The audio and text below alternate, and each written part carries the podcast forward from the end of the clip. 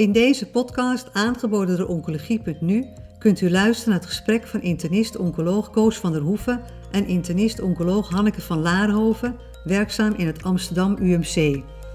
Aan bod komen de laatste ontwikkelingen met betrekking tot tumoren van de slokdarm-maagovergang, gepresenteerd tijdens het ESMO Virtual Congres 2020.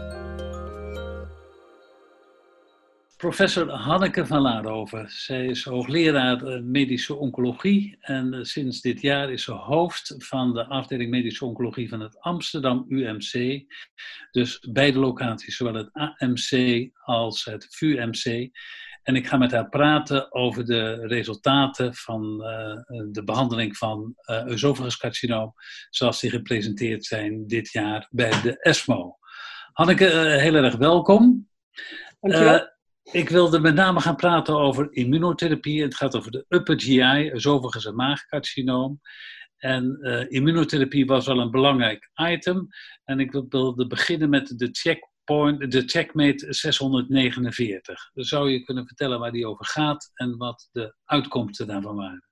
Ja, ja het was een, een, een bijzondere uh, ESMO voor uh, de upper GI als het gaat over de immunotherapie. En de, de checkmate-studies hebben daar wel in het bijzonder uh, aan bijgedragen. Um, de checkmate-studie die je nu net, noemde, de, de, de 649, dat is een gerandomiseerde studie waarbij vergeleken is, of althans de resultaten die nu gepresenteerd zijn, zijn chemotherapie plus nivolumab versus chemotherapie.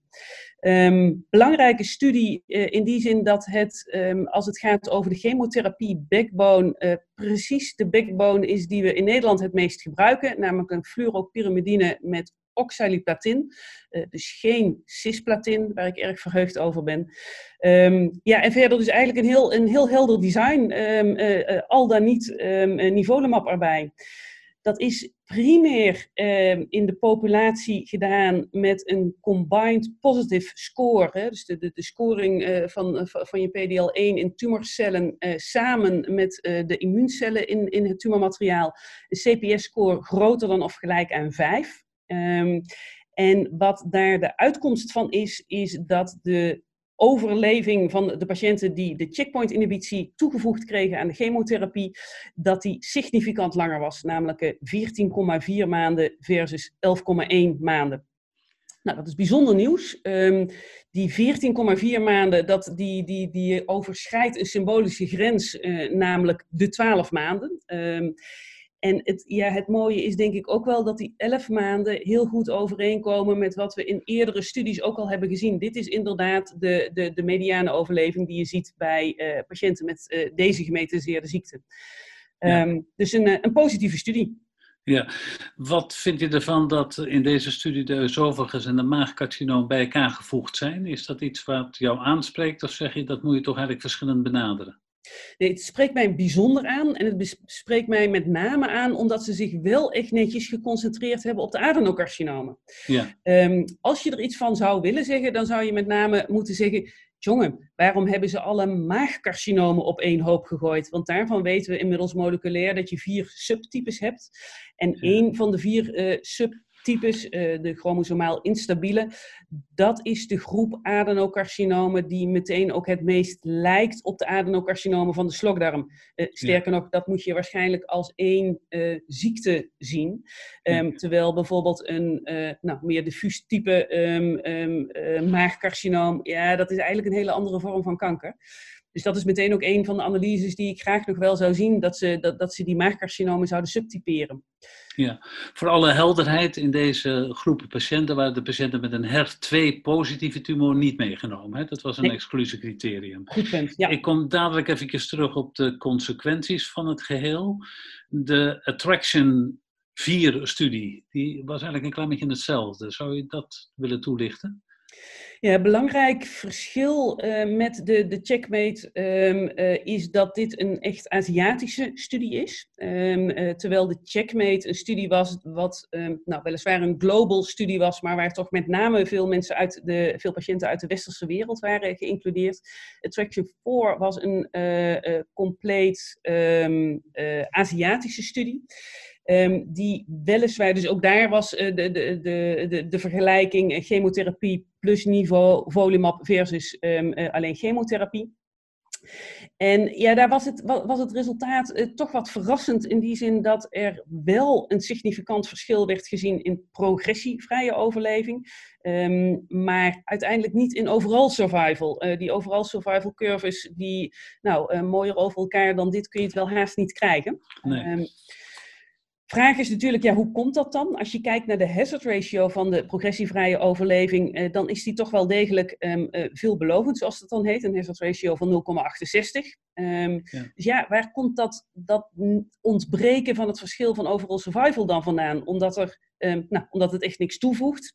Zit het misschien in uh, het feit dat patiënten na de eerste lijn nog veel meer tweede lijn hebben gekregen? Nou, daar hebben ze wel wat van laten zien. Maar ik denk dat dat nog wel meer um, uh, uitspitten behoeft.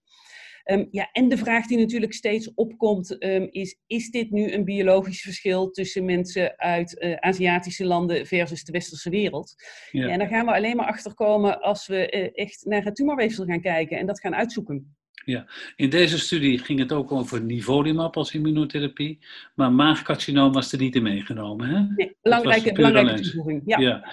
Voordat we dan, dan uh, dit uh, gaan afronden, er was ook een studie over pembrolizumab bij gemetastaseerd carcinoom, de Keynote 590. Uh, wil je die toelichten? Ja, ja, dan hebben we dus in plaats van nivolumab hebben we het over pembrolizumab. Um, ja, en wat een belangrijk verschil is met de keynote of met de checkmate studies zoals we die uh, en ook de attractions zoals we die net uh, bespraken, is dat helaas in die keynote studie er sprake is van een, nou ik zou bijna zeggen, conceptuele verwarring. En namelijk ze denken dat slokdarmkanker, dat dat uiteindelijk allemaal één ding is. Wat concreet betekent dat ze de plaveiselcelcarcinomen en de adenocarcinomen op één hoop hebben gegooid. Ja. Ja, en dat is nou echt iets wat je niet zou moeten doen, uh, uh, uh, denk ik. En met mij velen anderen. Dat zijn echt twee verschillende tumortypes.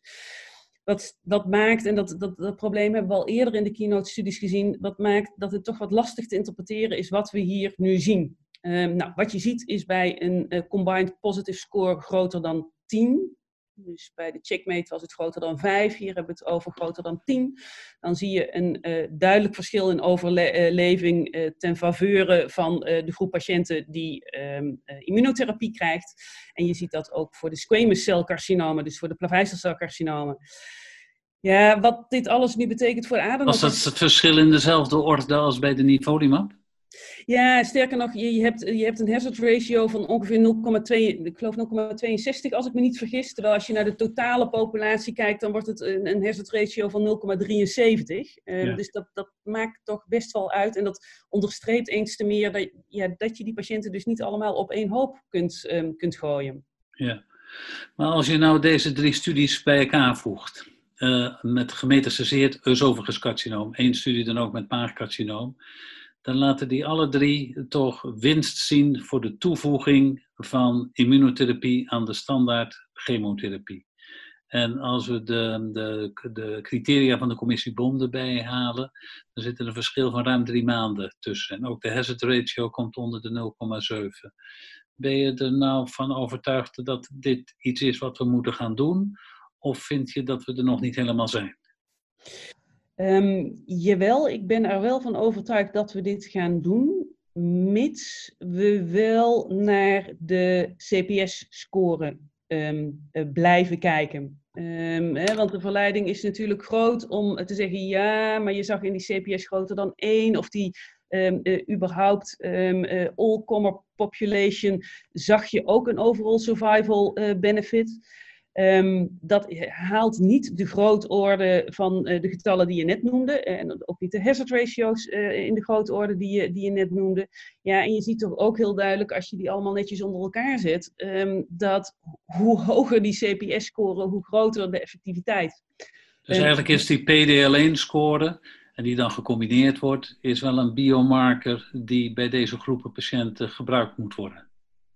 Nou, in ieder geval voor nu. Wat ik echt van harte hoop is dat we uiteindelijk betere biomarkers gaan krijgen. Want we weten ook allemaal dat PDL1 zeker niet alles zegt. Nee. En wat we weten is dat het ook lang niet altijd makkelijk is om het um, heel consequent goed te scoren. Um, ja. Nou weten we dat dat voor veel meer biomarkers geldt. maar dit is er één van. en dat roept meteen wel ook de vraag op of je bijvoorbeeld als het gaat over nou, niet eens zozeer het geven van een niveau maar wel het bepalen van bijvoorbeeld de CPS-score, of je niet naar een aantal dedicated pathologielabs toe zou moeten. Nou. Want kan je, durf je daar iets over te zeggen hoe dat in Nederland op dit moment is? Is er veel praktijkvariatie? Nou, volgens mij hebben we daar, als het gaat over de CPS-score, nog niet zo heel, eh, of misschien zelfs wel helemaal niet naar gekeken. Uh, ik, zo schieten mij geen ehm, eh, publicaties daarover in het, in het hoofd. Um, maar ja, er is wel eerder onderzoek naar, gedaan naar de verschillende pathologie-labs. Van Krieken is daar intensief mee bezig geweest. Ja, en er is gewoon echt variatie. Um, ja, dus en het is wel belangrijk dat als die mensen die, die eigenlijk helemaal geen PD-L1-expressie hebben, die moet je misschien niet aan deze behandeling blootstellen. Precies, maar dan moet je dus ook wel zeker weten dat het klopt uh, wat die score zegt uh, in je pathologieverslag. Ik wil een overstapje maken naar um, de adjuvante behandeling. Want als het in de gemetastaseerde setting werkt, dan wordt altijd ook gekeken of patiënten er in de adjuvante setting baat van kunnen hebben. Er was een, uh, een presentatie van adjuvante nivolumab naar neoadjuvante chemoradiotherapie bij het carcinoom. Leverde die positieve bevinding op? Ja, die, um, dat, is, dat, dat is een, um, nou, een studie waar ik toen ik de resultaten daadwerkelijk zag ook wel eventjes um, uh, stilviel. Uh, want het was wel echt een ontzettend mooi resultaat. Nou, daar zal ik zo direct nog wat uh, nuancerende opmerkingen over maken. Maar ja, dit is wel iets waar we volgens mij in ieder geval in eerste instantie blij mee mogen zijn. Um, kort samenvattend, wat was de studie? Patiënten kregen neoadjuvante behandeling, werden vervolgens um, geopereerd en uh, gerandomiseerd tussen adjuvant nivolumab versus placebo. Um, en dat waren alleen patiënten die uh, op de een of andere manier nog tumor aanwezig hadden in het operatiepreparaat. Dus de, de mensen die geen complete pathologische respons hadden bereikt. Um, en de resultaten die nu uh, um, gepresenteerd werden, dat, die betroffen de ziektevrije overleving. En wat je zag in de groep patiënten die behandeld werden met placebo, was dat de ziektevrije overleving 11 maanden was. Nou, dat is een getal om ook eventjes verdrietig over te worden. Hè? Ja, dat is curatieve behandeling, ja. 11 maanden. Um, en de patiënten die adjuvant nivolumab kregen, um, die hadden een ziektevrije overleving mediaan van 22,4 maanden. Een enorm verschil. Enorm verschil. Hazard ratio van 0,69. Um, ja, nou, iets om inderdaad even stil bij te vallen. Ja. Nou, dat gezegd zijnde kun je er natuurlijk nog wel uh, wat, wat, wat nu, nuancerende kanttekeningen bij maken. Eén daarvan is denk ik dat uh, je uiteindelijk um, in een behandeling die in opzet curatief is, je toch ook echt graag uh, overall survival data zou willen zien. Um, wat, wat curieus is en waar uiteindelijk ook in de discussie niet echt op in werd gegaan, is de vraag waarom die curves pas na zes maanden uit elkaar lopen. wat gebeurt daar die eerste zes maanden? Dat, dat, dat is Um, nou, intrigerend, zal ik maar zeggen. Um, nou, en als het gaat over de Nederlandse praktijk, uh, dan kun je ook nog um, iets, iets, iets, iets vinden van het feit dat de voorbehandeling van de patiënten niet overal hetzelfde was. Wat we in Nederland natuurlijk uh, gewend zijn om te doen, is om deze patiënten neoadjuvant voor te behandelen met het cross-regime, dus chemotherapie en bestraling. en een aantal van, dat heeft overigens ook de meerderheid van deze patiënten gehad, maar een aantal patiënten is ook voorbehandeld met chemotherapie. En je kunt je afvragen hoe, uh, nou, of dat nog op de een of andere manier uitmaakt. Ja. Maar goed, het, al met al is dit denk ik echt een hele veelbelovende studie. Maar en ook de stratificatie dat alleen die patiënten die geen pathologisch complete respons hadden bij operatie voor die adjuvant immuuntherapie in aanmerking kwamen, is denk ik ook wel een mooie. Ja, van één kant wel. Um, dat wil zeggen, wat ik bedoel met van één kant wel, is dat dit is natuurlijk bij uitstek de populatie die het uh, echt heel slecht doet. Um, nou, dat, nogmaals, dat zie je ook in die placebo-getallen. Um, ja, de grote vraag die je natuurlijk ook hebt is hoe zou het zijn voor de groep die wel een complete pathologische respons heeft? Want laten we eerlijk zijn, zo geweldig zijn die overlevingsgetallen nu ook weer niet. Ik bedoel, wel echt significant beter, uh, maar uh, daar is toch ook een aanzienlijk percentage van de patiënten dat uiteindelijk de ziekte terugkrijgt en overlijdt aan de ziekte. En je kunt je voorstellen dat die misschien zelfs nog wel meer baat hebben van adjuvant nivolumab. Nou, die studie hebben we niet gedaan, dus dat weten we niet. Ehm, maar ik zou er wel heel benieuwd naar zijn. Goed, maar in ieder geval biedt het wel aanknopingspunten om er verder naar te zoeken. Dit is niet klaar voor de dagelijkse praktijk, maar geeft wel aanknopingspunten om verder onderzoek naar te doen. Ja, dit gaat, gaat misschien ook nog wel wat discussie opleveren. In die zin dat, wat ik net zei, hè, je wilt natuurlijk overal survival data zien. Nou, sowieso denk ik dat het goed is dat we eerst nog eens een, een, een update uh, zien. Uh, met, um, met, met deze getallen nog eens bevestigd en vooral ook peer-reviewed. Maar elf maanden verschil in ziektevrije overleving. Dat is wel heel veel. Dat is wel heel veel hoor. Ja. Nou, ja. ja. Ja. Oké, dat, dat wordt vervolgd. Er waren nog twee andere studies, de Petrarca-studie en de Destiny-studie, waar je nog kort iets over wilde vertellen. Ja, omdat er echt toch ook nog altijd nog meer is dan immunotherapie. Eh, en dat betreft met name de HER2-positieve populatie. Wat ik, wat ik nog heel even wilde aanstippen is, is een update van de Destiny-studie. Um, waarbij ze uh, nu gekeken hebben in de uh, latere lijn bij de HER2 1 plussen en de HER2 2 plussen is negatieven. Um, uh, en daar hebben ze geke gekeken eh, naar uh, um, trastuzumab deruxtecan, uh, wat daar het effect van is. En daar werden de resultaten gepresenteerd. En daar werden overlevingscijfers um, gepresenteerd van zeg maar zo'n acht maanden. En dat is dus echt in de late lijn. ja, daar gaat mijn hart toch ook wel wat sneller van kloppen. dus dat wil ik toch op zijn minst even genoemd hebben. Het ja. is niet gerandomiseerd, moet nog veel nee. meer aan gebeuren. maar ja, denk ik wel veelbelovend. Ja, dat, maar dat is ook een hele interessante stof, waarbij dan het trastuzumab de, de, de, het medicament naar de tumor brengt. Precies. En, en wat, wat toegepast wordt ook bij een heel aantal andere tumoren. Precies. Ja, interessant. De Petrarca, daar wilde je ook nog iets over zeggen.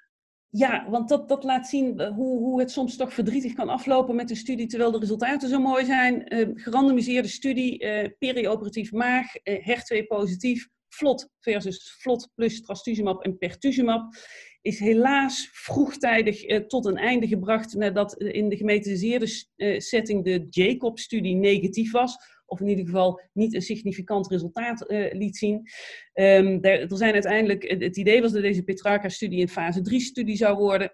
Dat is uiteindelijk dus niet gelukt. Dus ze lieten nu de resultaten zien van uh, zeg maar twee keer 70 patiënten. En we wisten al dat de complete pathologische responsen in de groep patiënten die de trastuzumab en pertuzumab erbij kregen hoger waren.